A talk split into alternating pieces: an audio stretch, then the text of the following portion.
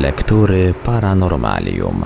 Dziś w Radio Paranormalium kontynuujemy prezentację książki Andrzeja Tonimirskiego Czy żyjemy tylko raz? Zapraszamy do słuchania.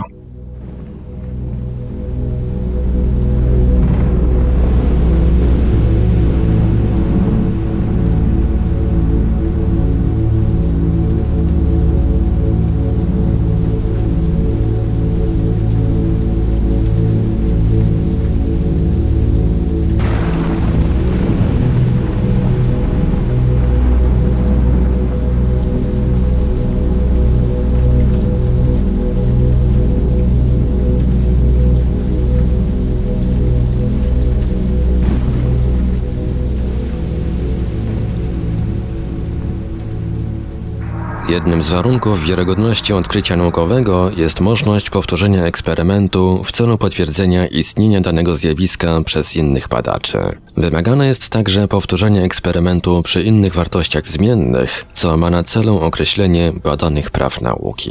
Tymczasem w przypadku eksperymentów dotyczących biokomunikacji, np. telepatii oraz eksperymentów związanych ze stymulowanymi reakcjami roślin, powtarzalność często jest problematyczna. Gdy badano reakcje roślin w Mankind Research Unlimited, MRU, w Waszyngtonie w Stanach Zjednoczonych, zaobserwowano, że wyniki eksperymentów przeprowadzonych z udziałem tej samej rośliny, tego samego rejestratora i tego samego nadającego osobnika były bardzo różne, raz istotne, innym razem żadne. Uczestniczący w doświadczeniu wysyłał z odległości 25 mil sygnał bioenergetyczny do rośliny znajdującej się w laboratorium MRU. Reakcję rośliny skontrolowano, sygnał wzmocniono i zapisano na wykresie. Jednakże w innym czasie i w innym miejscu, ale z udziałem tego samego sprzętu, badania rośliny i człowieka nadającego, nie otrzymano pozytywnych wyników. Różnica między rezultatami tych dwóch eksperymentów spowodowało prawdopodobnie nastawienie obserwatorów. W czasie pierwszego eksperymentu, przeprowadzonego w MRU, nadający miał zawiadomić naukowców telefonicznie o swym nadawaniu do badanej rośliny.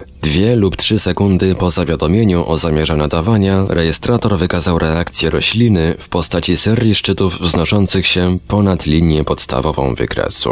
Obecni w czasie tego eksperymentu obserwatorzy oczekiwali pozytywnego rezultatu. Sądzili, że doświadczenie się powiedzie. Drugi eksperyment przeprowadzono w dwa tygodnie później, o innej porze dnia, ponad mile od miejsca eksperymentu pierwszego. Chociaż możliwe jest, że te zmiany miały wpływ na wynik, większość teoretyków jest zdania, że miejsce i czas nie są wystarczająco ważne dla wspomagania lub tamowania biokomunikacji. Decydujące dla rezultatu drugiego doświadczenia okazało się nastawienie obserwatorów. Jeden z nich głośno wyrażał sceptycyzm co do możliwości uzyskania dowodu przesyłania bioenergii, inny demonstrował swą obojętność. Żaden nie wyraził nadziei uzyskania wyniku pozytywnego. W przeciwieństwie do obserwatorów eksperymentu pierwszego, którzy byli przekonani o pomyślnym rezultacie.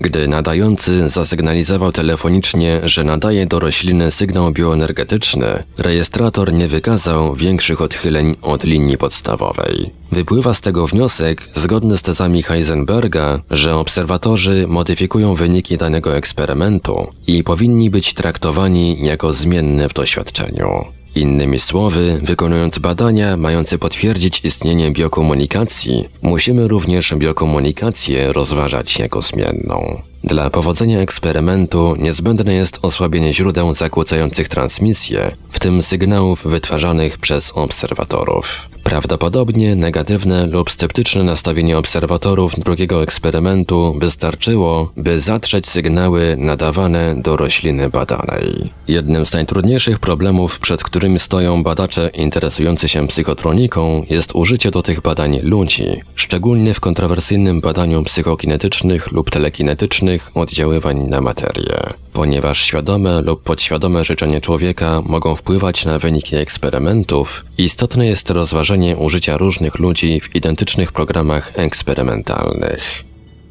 Człowiek nie może żyć bez snu.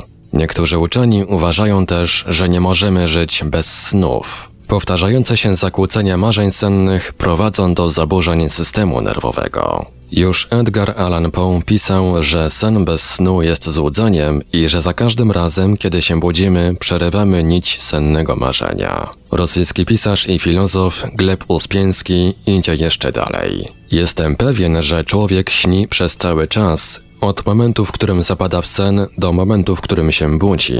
Pamięta wszakże tylko takie sny, które śnią się na krótko przed przebudzeniem. Później upewniłem się także, że śnimy nieprzerwanie, zarówno podczas snu, jak i na jawie. Senne marzenia nigdy się nie kończą. Na jawie nie dostrzegamy ich wśród powodzi wrażeń wzrokowych, słuchowych i innych zmysłowych doznań. Z tego samego powodu, z którego nie dostrzegamy gwiazd w ostrym słońcu dnia. Ale tak jak gwiazdy dostrzec można z dna głębokiej studni, możemy również dostrzec sny, które się śnią w nas. Jeśli tylko, choćby na krótką chwilkę, uda się nam oderwać od rzeczywistości i osiągnąć stan świadomości bez myśli. Koniec cytatu. Ten stan świadomości bez myśli to zapewne stan, jaki niektórym ludziom udaje się osiągnąć podczas medytacji, ale czy doznania wizualne, jakich doświadczamy zamykając oczy i przyciskając gałki palcami lub to, co nazywamy snami na jawie, może istotnie zostać zakwalifikowane do snów, jest sprawą definicji. W każdym razie marzenia senne są dla nauki poważnym źródłem poznania, jeśli nie zrozumienia podstawowych procesów zachodzących w umyśle także w umyśle zwierząt, ponieważ przypuszczalnie i one śnią. Interesujące jest to, że sen nie zależy od naszej woli, lecz jest nam niejako narzucony gdzieś spoza świadomości. Przejmujemy go tak, jak się przejmuje prawo natury, z prostej konieczności. Skąd się biorą sny? Nie ma żadnej pewności, że źródło snów leży gdzieś w głębi nas samych. Nie można też wykluczyć możliwości, że przyczyną jest jakaś zgoła nieoczekiwana kombinacja czynników dziedzicznych i wpływu otoczenia. A więc jak powstaje ta cała ekstrawagancka sceneria, której scenografowie nie kierują się żadnymi względami oszczędności i prawdopodobieństwa. Te postacie dziwacznych istot i fantastycznych miast, Niezwykłe przygody, które umykają z pamięci zanim się przebudzimy. A może jest to zapowiedź przejścia ze świata czasoprzestrzeni w jakiś świat nieskończoności. Współczesna nauka nie jest wcale odległa od tych pozornie fantastycznych hipotez. Marzenie senne uchodzi dziś za wypadkową konfrontacji uśpionego umysłu i stresów powstających na jawie. Problemy dnia sprawiają, że konieczna staje się nocna terapia, i to poprzez uczucie, a nie rozsądek. Uczucie, które często osiąga poziom dziecka tkwiącego w każdym z nas. Cechą charakterystyczną snu jest to, że sprawy przestrzeni maksymalnie upraszcza, sprowadzając je do czegoś w rodzaju parabolicznych obrazów. Czasem też dokonują się w nim oceny moralne, jednakże w snach ukazują się symbole, nie myśli, Brak w nich wszelkiej zależności, którą racjonalny umysł określa za pomocą spójników jeśli, więc, ale. Freud na przykład twierdził, że główną ich funkcją jest spełnienie marzeń, zwłaszcza pragnień zmysłowych. Wychodził on z założenia, że ta właśnie sfera pragnień u większości ludzi pozostaje przeważnie niespełniona, stąd jej jest poświęcona większość snów. Jane W. Dune w książce Eksperyment z czasem przedstawia teorię snów proroczych. Mają one być skutkiem nieznanej nam jeszcze wielowymiarowości czasu. Zdaniem Duna liczne wymiary czasu przeplatają się ze sobą tak, że na przykład wycieczka świadomości w przyszłość jest rzeczą równie łatwą jak powrót do przeszłości. Rzadko się to dostrzega, gdyż zanim taki proroczy sen zdąży się sprawdzić, co zdarza się czasem dopiero po wielu latach, zostaje całkowicie zapomniany. Hipotezę Duna potwierdza zjawisko wielowarstwowości snu. Amerykański psycholog Guy Martin wspomina, iż któregoś dnia przebudził się i zaczął szybko notować to, co mu się moment wcześniej przyśniło. Wtedy zorientował się, że owo przebudzenie i robienie notatek stanowi część innego zewnętrznego snu. Ile może być takich warstw, nie wiadomo.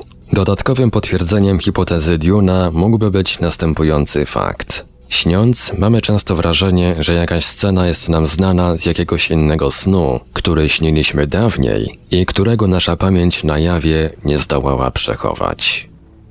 Sen nie jest więc jedynie cieniem jawy, jest czymś o wiele bardziej złożonym, czymś, czego na różne sposoby doświadczają być może wszystkie istoty żywe, choć na razie nie wiadomo, czy u nich, tak jak u człowieka, moment powrotu do jawy bogatszy jest o wspomnienia przeżyć sennych. Wynikałoby wtedy, że zasięg sfery, na jaką wpływa człowiek, a równocześnie pod wpływem której pozostaje, rozciąga się daleko poza jego ciało fizyczne, a nawet poza jego świadomość. Obszar ten składa się prawdopodobnie z myśli albo emocji. Przenoszenie informacji odbywa się w sposób ciągły, zarówno w sferze świadomej, jak i nieświadomej, oraz przemiga w każdym momencie życia, to jest zarówno w okresie czuwania, jak i snu. Informacje, jakie każda jednostka tą drogą otrzymuje, mogą być zarówno pozytywne, jak i negatywne, stąd właśnie reakcje ludzkie w postaci dobrych lub złych stanów psychicznych. Można by sobie wyobrazić jakąś ogromną, niewidoczną sieć połączeń psychicznych, które wiążą danego człowieka z innymi ludźmi. Z osobami, które często o nas myślą, obojętnie świadomie lub podświadomie, mamy dobre połączenie. Słabe połączenie mamy z tymi, którzy rzadko o nas myślą. Rodzaj sygnałów zmienia się zależnie od nasilenia emocji. Im większa emocja, tym intensywniejszy sygnał. Również ci, o których myślimy, podlegają wpływom naszych uczuć. Można więc mówić o swego rodzaju powszechnym psychicznym oddziaływaniu. Rozdział czwarty. Pole biologiczne i jego oddziaływanie. W latach 70. powstała w Związku Radzieckim specjalna komisja, której zadaniem miało być wszechstronne zbadanie szczególnych właściwości organizmu ludzkiego. Jej przewodniczącym został mianowany członek korespondent Akademii Nauk ZSRR, profesor dr Aleksander Spirkin, kierownik sekcji bioelektroniki przy Naukowo-Technicznym Stowarzyszeniu Radioelektroniki i Łączności, będący jednocześnie kierownikiem oddziału materializmu dialektycznego Instytutu Filozofii Akademii Nauk ZSRR. Komisja skupiła przedstawicieli wielu dziedzin nauki i techniki, filozofów, socjologów, pedagogów, lekarzy, biologów, inżynierów, matematyków i fizyków. Tygodniku Polityka z dnia 20 grudnia 1980 roku zostały opublikowane wypowiedzi trzech członków wspomnianej komisji. Profesora doktora Aleksandra Spirkina, profesora doktora Arsenija Miedielanowskiego, kierownika Laboratorium Systemowych Mechanizmów Homeostazy Akademii Nauk Medycznych ZSRR oraz inżyniera Władimira Safonowa. Uczeni ci sformułowali poglądy wykraczające niekiedy daleko poza obraz świata ukształtowany przez współczesną naukę.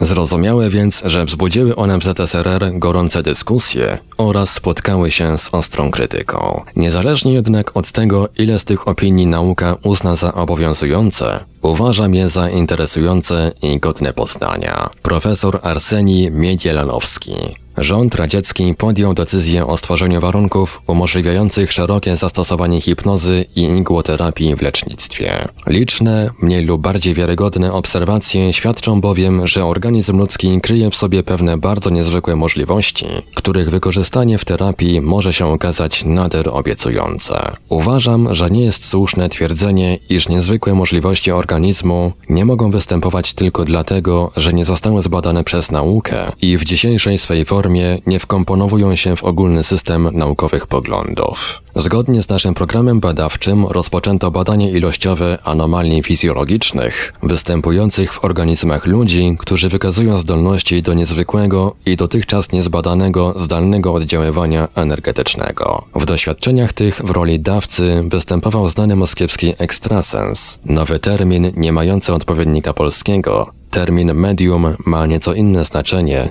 nadto został skompromitowany. Inżynier Safonow. Już pierwsze wyniki uzyskane w czasie doświadczeń spowodowały, że potraktowaliśmy realność zdalnego oddziaływania energetycznego bardzo poważnie. Profesor Aleksander Spirkin.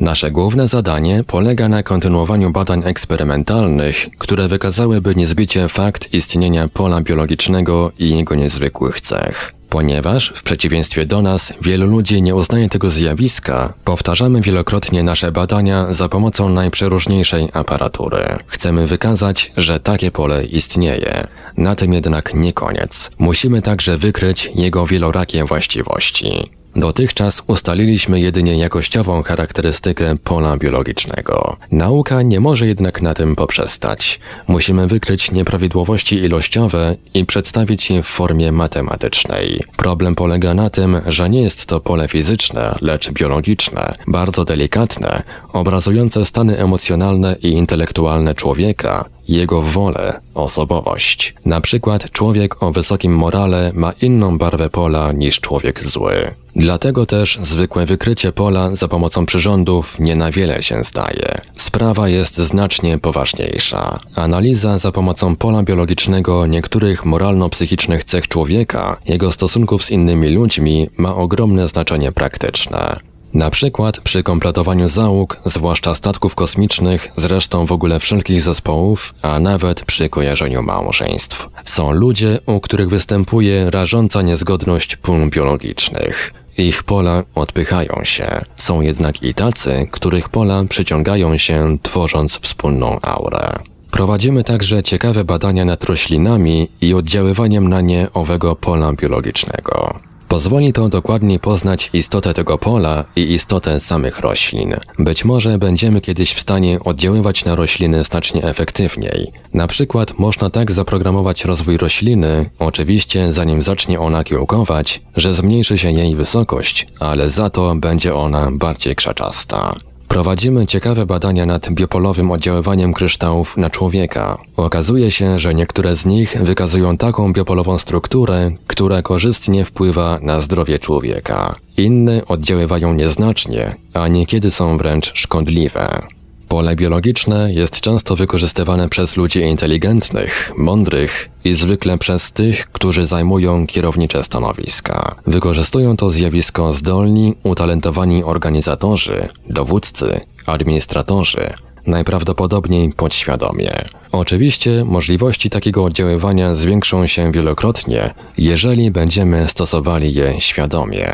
Mniej więcej przed 15 laty fizycy, biofizycy, psychologowie i psychiatrzy zaczęli badać pole biologiczne i po przeprowadzeniu wielu eksperymentów zgromadzili ogromny materiał. Występowanie pola biologicznego odbierane jest jako odczucie kłucia, przyjemnego ciepła, chłodnego wiaterku, oporu powietrza. Najbardziej uzdolnieni ludzie, których nazwałem ekstrasensami, mogą pole biologiczne widzieć, przy czym niektórzy z nich dostrzegają nie tylko pole zewnętrzne, aurę, jak gdyby opatulujące cały organizm lub jego część, np. palec, lecz także wewnętrzne poszczególne organy, krwiobieg, bicie serca, pracę wątroby, zawartość żołądka, jelit itd. Tak takie niezwykłe zdolności wykazują zresztą tylko nieliczni. Nasi uczeni przeprowadzili liczne doświadczenia, które wykazały ponad wszelką wątpliwość, że pole biologiczne wypromieniowane przez organizm człowieka, zwierzęcia czy rośliny istnieje naprawdę. Rośliny również reagują na pole biologiczne. Jeżeli na przykład nasiona czarnego bobu lub pszenicy namoczymy i po upływie doby albo dwóch zaczniemy na nie oddziaływać polem biologicznym, ich zdolność kiełkowania wzrośnie o 20%. Nasiona takie szybciej kiełkują, dają większy urodzaj, niekiedy nawet trzykrotnie większy. Podobne wyniki można także osiągnąć przez oddziaływanie na wodę, którą się podlewa nasiona. Jest to bardzo ważny obiektywny wskaźnik, świadczący niezbicie, że pole biologiczne istnieje. Znane nauce pola elektromagnetyczne, magnetyczne, ultradźwiękowe są składowymi pola biologicznego człowieka. Jednak nie one stanowią podstawę biopola. Wspomniane pola fizyczne można ekranować. Jeżeli pomieszczenie, w którym znajduje się odbiorca, zostanie w odpowiedni sposób odizolowane, pola te do niego nie dotrą. A tymczasem efekt oddziaływania telepatycznego pozostanie niezmienny. To wewnętrzne pole jest więc czymś nowym. Jest to moim zdaniem forma takiej składowej wszechświata, której model będzie stanowił podstawę do stworzenia ogólnej teorii pola, poszukiwanej przez fizyków. Na razie jest to oczywiście tylko hipoteza. Zadziwiające, że pola biologiczne, które zdawałoby się powinny być wypromieniowane tylko przez materię ożywioną, wydzielane są również przez kryształy i pewne minerały występujące w głębi skorupy ziemskiej. Minerały działają na człowieka, co przejawia się na przykład wychyleniem specjalnej metalowej ramki. Na tej zasadzie oparte jest tak zwane różdżkarstwo, dzięki któremu można wykryć różne minerały występujące w głębi ziemi, albo żyły wodne. Zjawisko to już dziś odgrywa istotną rolę w poszukiwaniach geologicznych. Duże praktyczne znaczenie będzie miało zastosowanie tego rodzaju odkryć w medycynie. Wysuwamy koncepcję, że organ, który uległ kiedykolwiek jakiemuś schorzeniu, zachowuje o tym informacje na całe życie. Człowiek umiejący posługiwać się biopolową diagnostyką potrafi stwierdzić, na co i kiedy chorował dany pacjent. Nie dość na tym. Może on także stwierdzić, jaki jest stan psychofizyczny organizmu w danym momencie. Dzięki tej metodzie można na przykład wykryć guz rakowy w początkowym stadium rozwoju. Pola biologiczne można zastosować nie tylko do celów diagnostycznych, lecz również leczniczych. Ponieważ jest to nieco niezwykły sposób oddziaływania na chorego, nie określamy go mianem leczenia, lecz nazywamy korekcją pola magnetycznego. Ekstrasensi wysyłają ku odpowiednim organom pacjentów impulsy biopolowe i dokonują korekcji pola biologicznego tych organów. Korekcja pola pozwala uformować funkcjonowanie danego organu. Najłatwiej dokonać takiej korekcji w wypadku zaburzeń funkcjonalnych systemu nerwowego, układu krążenia i niektórych innych układów. Przypuszczamy jednak, co zresztą potwierdzają fakty, że ekstrasensi są w stanie pozytywnie oddziaływać nawet w przypadku niektórych zaburzeń organicznych. Tu powstaje ciekawy problem teoretyczny. Jakie właściwości wykazuje pole biologiczne nie tylko w diagnostyce, w bioenergetycznym i terapeutycznym oddziaływaniu na organizm, ale także podczas oddziaływania na ogromne odległości? Czy wtedy pole to zanika? Doświadczenia prowadzone przy współudziale inżyniera Safonowa wykazały, że pole biologiczne oddziałuje na znaczne odległości, przykład pomiędzy Moskwą a Dunszabe, Tadżycka Socjalistyczna Republika Radziecka. Przeprowadziliśmy doświadczenia również z innymi ekstrasensami pomiędzy Moskwą a Leningradem. Oddziaływanie nie ulegało żadnym zakłóceniom. Dla zbadania zaniku pola biologicznego chcemy kontynuować te eksperymenty, przeprowadzając je przykład pomiędzy różnymi krajami, skali całej Ziemi, a w perspektywie również w skali kosmicznej. Jestem zdania, że pola biologiczne można rozpatrywać jako niezny dotychczas energetyczny aspekt naszego życia duchowego, decydujący m.in. o sile woli, myślach i tym podobnych. Ludzie dzięki odpowiedniemu treningowi potrafią świadomie pokierować polem biologicznym, przesłać je w odpowiednim kierunku, odróżniać przekazy w różnych zakresach, w różnych płaszczyznach energetycznych tego pola. Problem mózg i świadomość staje więc przed nami w zupełnie nowym świetle. Zaczynamy głębiej pojmować istotę materii, współzależność pomiędzy tym, co materialne, a tym, co duchowe. W zupełnie innym świetle musimy rozpatrywać problem woli. Jestem także przekonany, że zbadanie pola biologicznego znacznie poszerzy nasz pogląd na hipnozę. Pole biologiczne, jako przejaw pewnego bardziej fundamentalnego pola wszechświata, występuje na różnych poziomach. Inaczej przejawia się w kryształach, inaczej w roślinach, u zwierząt i zupełnie inaczej u ludzi, gdzie stanowi pewną energetyczną podstawę ich niezwykle bogatego życia duchowego. Koniec cytatu.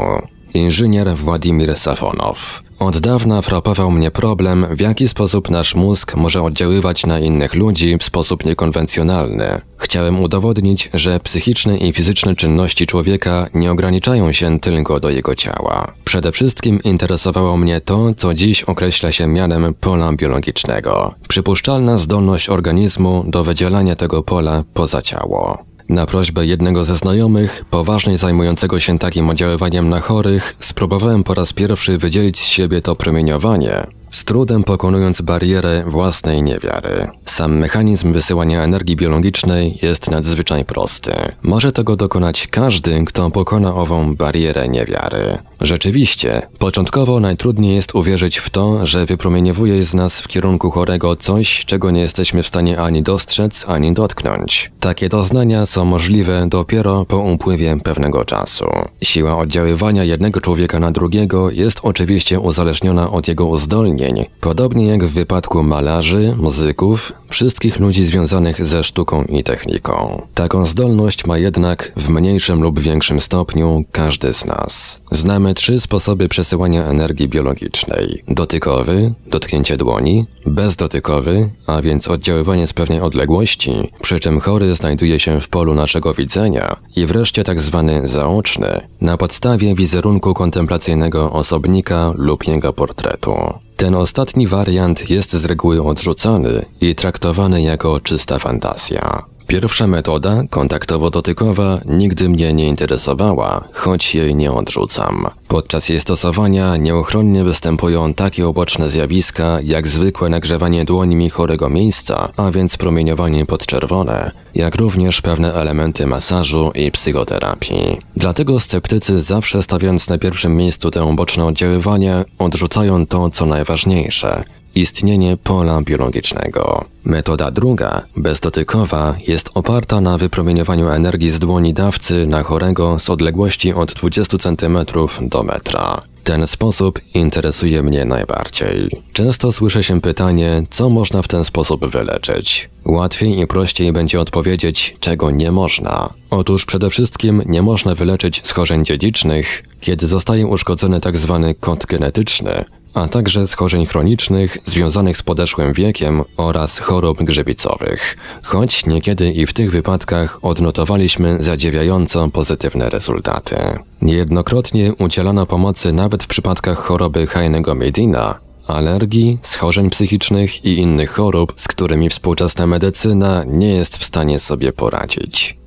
Trzecia metoda oddziaływania, tak zwana zaoczna, może być stosowana na odległość kilku metrów, kilometrów, a nawet kilku tysięcy kilometrów, przy czym odległość od obiektu, na który mamy oddziaływać, nie odgrywa żadnej roli. Można by zadać następujące pytanie. Czy to wszystko nie jest tylko sugestią, której ulegają zarówno nadawca, jak i odbiorca? Czy można poważnie traktować subiektywne wrażenia i odczucia? Może jest to po prostu psychoterapia, a w najlepszym wypadku nieznany rodzaj oddziaływania hipnotycznego. W ciągu pierwszych dwóch lat prób sam zadawałem sobie podobne pytania, szukałem więc takich metod, jakie umożliwiłyby mi bezstronnie ustalić prawdę. Na przykład za pomocą aparatury, której funkcjonowanie jest niezależne od woli człowieka. Podczas eksperymentów posłużyłem się takimi przyrządami jak elektroencefalograf, kardiograf, tonometr, chronomatograf i innymi. Wielokrotnie sprawdzono w ten sposób, w jakim stanie znajdowałem się przed wysyłaniem pola biologicznego, w momencie jego emisji i po jego zakończeniu. Takie same badania przeprowadzono nad obiektami mego oddziaływania, a więc zbadano w jakim stanie byli przed probą, w jej trakcie i po. Uzyskano w ten sposób statystyczne i niepodważalne wyniki, świadczące o tym, że u osobnika wysyłającego energię procesy fizjologiczne ulegają gwałtownej intensyfikacji. Wzrasta ciśnienie tętnicze, tętno jest przyspieszone, wzrasta zużycie tlenu z każdej dawki wchłoniętej przez płuca. Na przykład moje ciśnienie tętnicze wzrastało gwałtownie ze 120, jakie mam zazwyczaj, do 160, a zużycie tlenu aż o 20%. Inaczej reagowały obiekty mego oddziaływania, moi chorzy przyjaciele lub po prostu ochotnicy. U nadciśnieniowców ciśnienie spadało, a u ludzi z niskim ciśnieniem podnosiło się, przy czym wymiana tlenu i dwutlenku węgla również przebiegała inaczej. Zapotrzebowanie na tlen obniżało się o około 20%, a niekiedy jeszcze bardziej. Elektroencefalograf włączony w chwili, kiedy oddziaływałem na mózg epileptyków przebywających w sąsiednim pomieszczeniu, a więc zaocznie, wykazał ponad wszelką wątpliwość, że nie może tu być mowy o promieniowaniu elektromagnetycznym, ponieważ chorzy zostali umieszczeni w ekranowanych, izolowanych kabinach. Zapisy encefalografów świadczyły niezbicie o pozytywnym oddziaływaniu megapola. Obecnie, dzięki uprzejmości znanych mi lekarzy i uczonych, wszystkie wymienione eksperymenty są powtarzane w jednym z moskiewskich laboratoriów fizjologicznych. Już pierwsze analizy wyników dowodzą, że nauka powinna jednak skupić uwagę na skrupulatnym zbadaniu tzw. Tak zjawisk paranormalnych. Mniej więcej przed 10 laty stwierdziłem, że przesuwając dłonie nad różnymi partiami ciała chorego, zużywam więcej lub mniej energii, co umożliwia podanie właściwej diagnozy. Wiedziałem dokładnie, że jeden sygnał został nadany przez chore serce, inny przez wątrobę, nerki i tym podobne. Rzecz interesująca. Każda przebyta choroba lub odniesiona kontuzja pozostawia w organizmie swój dożywotni ślad. Jest to jakby wieczna skaza na naszej bazie energetycznej, która człowiekowi nie dokucza, lecz którą wyczuwa dłońmi ten, kto przekazuje energię. Okazało się także, że niekoniecznie jest stawianie pełnej diagnozy od stóp do głów. Wystarczy bowiem podłączyć się do głowy, i przesunąć dłonie mniej więcej do połowy tułowia, aby natychmiast zorientować się, co jeszcze choremu dolega. Łękotka, wiązadła stopy czy coś innego. Dzieje się tak na zasadzie wiem i już, a dlaczego wiem, tego nie wiem. Są to pierwsze elementy tego, co zwykliśmy określać mianem jasnowidzenia. Jak już wspomniałem, początkowo moje diagnostyczne eksperymenty obejmowały tylko ludzi, z którymi stykałem się osobiście. Z biegiem czasu spróbowałem jednak postawić diagnozę osobie znanej jedynie z fotografii czy też portretu, a także z pamięci, opierając się na wrażeniach jej znajomych, którzy znajdowali się tuż przy mnie. Wkrótce została opracowana metodyka takich eksperymentów. Jeżeli dokładnie przyjrzę się fotografii lub rysunkowi, a następnie obejmę wizerunek swym wewnętrznym widzeniem, kontemplacja, i potraktuję fantom podobnie jak realnie istniejącego człowieka, wynik będzie taki sam. Nie zamykam przy tym oczu, gdy obraz wewnątrzwidzialny nie nakłada się na przedmioty znajdujące się w polu mego widzenia. Po prostu wyciągam w jego stronę obie ręce i wypromieniowując w przestrzeń swoją energię, badam fantom, począwszy od głowy aż do stóp. I oto stwierdzam, że na pewnym poziomie, na przykład głowy, piersi, brzucha, wydatkuje znacznie więcej energii niż nad innymi częściami ciała mojego urojonego obiektu zaocznej diagnostyki. I to wszystko. Nie to jest jednak najciekawsze. Najdziwniejsze rzeczy zaczęły się dziać wtedy, kiedy spróbowałem na podstawie fotografii, portretów, litografii i rzeźb postawić diagnozy ludziom nieżyjącym. Już pierwsze eksperymenty dały oszałamiające rezultaty. Okazało się, że fantomy zmarłych przekazują dokładnie takie same informacje o przebytych chorobach, a także o przyczynach śmierci, jak fantomy ludzi żyjących. Stwierdziłem także, że kiedy eksperymentuję z wizerunkami w odosobnieniu, bez możliwości telepatycznego podpowiadania przez krewnych lub znajomych zmarłych, Efekt doświadczeń jest taki sam, a niekiedy nawet lepszy. Od razu nasuwa się wniosek, że te wyniki świadczą w pewnym stopniu o jakimś pośmiertnym bycie, na którym opierają się niemal wszystkie religie i wierzenia świata. Jeżeli bowiem zostaje zachowana informacja o dosłownie wszystkich kiedykolwiek żyjących ludziach, to ten bank pamięci jest komuś potrzebny. Po coś został utworzony. Jest rzeczą niemożliwą, by nikt nie korzystał z tego magazynu wielopostaciowych ja. Przyroda na pewno kierowała się jakimiś względami, tworząc ten dział wszechświata, w którym przechowywane są informacje o przyczynach śmierci i chorób niezliczonej liczby pokoleń ludzi. Jestem materialistą, to też wszystko to powinno mi się wydawać całkowitym absurdem. Tymczasem liczba faktów rozwiała moje wątpliwości. Informacja zostaje zachowana. Jeżeli więc ja jestem w stanie odtworzyć jedynie dwa czynniki, określając przyczynę śmierci i choroby przebyte za życia, ktoś inny, zdolniejszy ode mnie, potrafi może wyciągnąć znacznie obszerniejsze wnioski. Informacja, jaką otrzymuję, nie pochodzi z emulsji fotograficznej, warstwy farby czy jakiegoś innego materiału zastosowanego do przekazania wizerunku człowieka, lecz z zakodowanej w pewien sposób indywidualności, wyjątkowości każdej istoty. Każdej istoty, a nie tylko człowieka, ponieważ wkrótce stwierdziłem, że zwierzęta mają również tam w owym banku pamięci swoje kartoteki. Początkowo moje eksperymenty z fotografiami zwierząt domowych, psów, kotów, a nawet koni były dość chaotyczne. Dopiero kiedy udało mi się nawiązać kontakt z pracownikami naukowymi Moskiewskiego Ogrodu Zoologicznego, byłem w stanie powtarzać swoje obserwacje.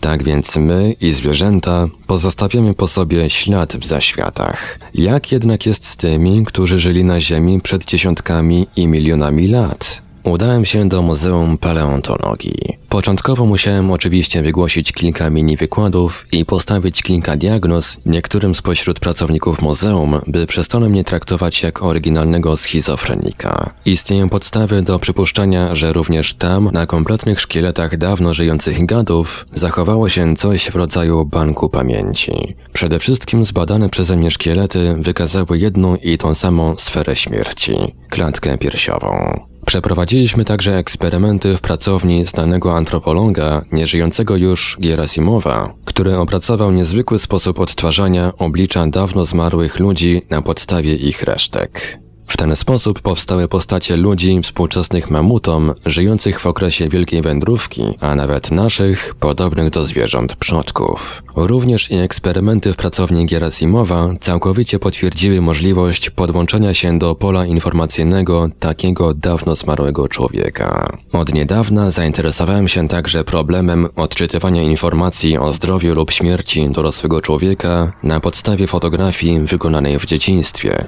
nawet wczesnym. Wydawałoby się przecież, że rysy twarzyczki dziecka mają niewiele wspólnego z pomarszczoną twarzą starca, zwłaszcza, że nawet najdokładniejsze porównania dwóch takich samych zdjęć nie wykazały owych indywidualnych cech nie zmieniających się z biegiem lat. A przecież muszą one występować, w przeciwnym bowiem wypadku nie byłoby mowy o podłączeniu się do indywidualnego pola osobnika. Jest ono najprawdopodobniej odbierane całkowicie podświadomie, bez jakiejkolwiek kontroli ze strony trzeźwego rozsądku. I tutaj właśnie okazały się pomocne, pewne, dotychczas zresztą nieliczne eksperymenty z przedmiotami nieożywionymi, podczas których okazało się, oczywiście wymaga to dalszych licznych badań, że ich jednolitość lub niejednolitość znajduje gdzieś swoje odbicie i również jest rejestrowana. Jeżeli w przyszłości fakt ten zostanie potwierdzony, można będzie zastanowić się nad hipotezą, że żyjemy w świecie, który w jakimś entym wymiarze jest wzajemnie powiązany i znajduje swoje odbicie w jakimś innym, towarzyszącym nam świecie, w innej materialnej przyrodzie. Jest to coś, co znajduje się jak gdyby poza lustrem, w którym, jak na taśmie filmowej, zostaje utrwalone wszystko, co dzieje się w tej chwili, to, co działo się kiedyś i, kto wie, może również to, co dopiero będzie się działo. Jesteśmy jak ludzie, którzy spóźnili się na film, Część taśmy, przeszłość człowieka, przedmioty, wydarzenia już została wyświetlona.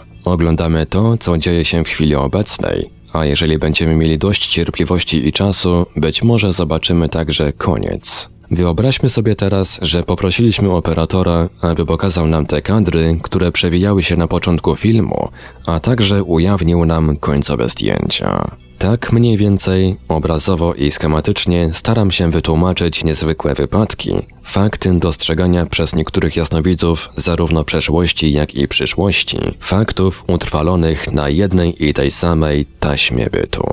Koniec cytatu. Na zakończenie tej części książki przytaczam hipotezę Lorenza Leszana o możliwości istnienia nie jednego, lecz jakby dwóch rodzajów naszej rzeczywistości. Fizyka uczy nas, że światło z jednej strony jest falą, z drugiej korpuskułą. Podobnie kształtuje się natura cząstek elementarnych w sferze subatomowej. A przecież obie te formy bytu stanowią jakby wzajemne przeciwieństwo. Jeżeli więc struktura materii wykazuje cechy dwoistości, to może cała rzeczywistość, jaka nas otacza, ma również dwie postacie, które wzajemnie zdają się wykluczać. Być może jest tak dlatego, że obu tych form nie da się obserwować równocześnie. Amerykański psycholog Lawrence Leshan w swej publikacji Toward a General Theory of the Paranormal, a Report of Work in Progress w czasopiśmie Parapsychological Monographs nr 9 Nowy Jork 1969 rok wysunął nową hipotezę o naturze świata. W skrócie przedstawia się ona następująco. Człowiek może poznawać świat dwoma pozornie przeciwstawnymi sposobami. Pierwszy sposób polega na postrzeganiu zmysłowym, które daje obraz rzeczywistości sensorycznej. Drugim sposobem są przeżycia typu mistycznego, które Lishan nazywa jasnowidzeniem rzeczywistości. Te dwa okna, przez które możemy dostrzegać rzeczywistość naszego bytu, Lishan określa mianem Sensitive World, w skrócie SW, oraz Reality World, w skrócie RW. Te dwie, w jakimś sensie przeciwstawne sobie struktury charakteryzują się następującymi cechami. Rzeczy i wydarzenia są postrzegane w przeważającym stopniu jako indywidualne i rozdzielne. Można z nich składać większe całości. Zmysły lub urządzenia techniczne są jedynymi godnymi zaufania kanałami, które umożliwiają zdobywanie informacji o otaczającym nas świecie. Czas jest podzielony na przeszłość, teraźniejszość i przyszłość. Wydarzenie lub czyn może być dobry, obojętny lub zły, także i wtedy, gdy jego następstwa ujawniają się znacznie później. Działanie możliwe jest na podstawie wolnej woli, kierowanej przez rozsądek, rozum. Obserwacje mogą być przeprowadzane dowolnie, jednakże w granicach czasu i przestrzeni.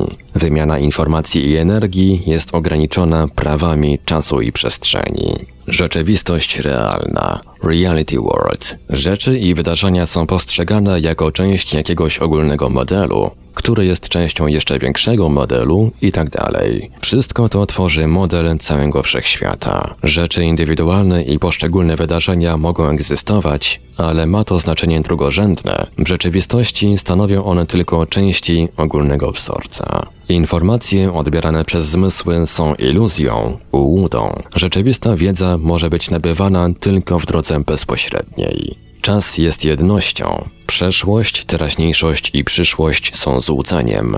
Istnieje możliwość działania, ale ma ona miejsce w wiecznej teraźniejszości. Nic nie jest złe ani dobre, lecz wszystko jest częścią harmonijnego uniwersum, które znajduje się poza dobrem i złem. Nie można działać aktywnie, lecz tylko stosować się do ogólnego wzorca. Doświadczeń nie przeprowadza się, natomiast wiedzę nabywa się poprzez integrację z wzorcem. Ani czas, ani przestrzeń nie stanowią żadnej przeszkody w wymianie informacji i energii, gdyż są one złudzeniem, iluzją. Ponieważ jesteśmy tworami biologicznymi, musimy żyć w zasadzie tylko w świecie SW. Próba dłuższego przebywania w świecie RW prowadzi przeważnie do śmierci danego osobnika. Jednakże życie tego, kto nigdy nie doświadczył choć przez chwilę świata RW, nie jest w pełni bogate. Światy SW i RW to swego rodzaju dwa bieguny jakiejś uniwersalnej skali. Człowiek stale przebywający w świecie SW to zdecydowany materialista. Człowiek przebywający czasami w świecie RW to wyobcowany z rzeczywistości mistyk. Natomiast ci, którzy zdają sobie sprawę z istnienia obu tych światów, żyją przeważnie w świecie SW, tylko od czasu do czasu przenoszą się do świata RW. W wyjątkowych przypadkach można równocześnie przebywać w obu światach.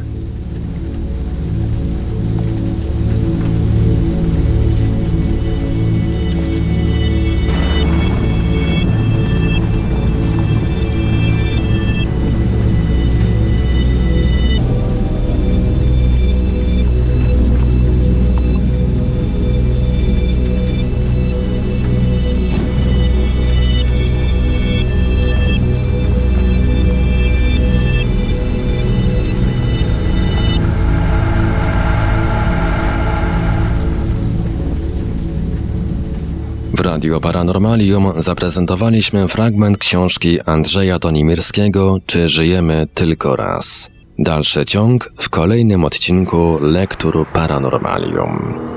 Archiwalne odcinki Lektur Paranormalium znajdziesz do pobrania w archiwum naszego radia na stronie www.paranormalium.pl.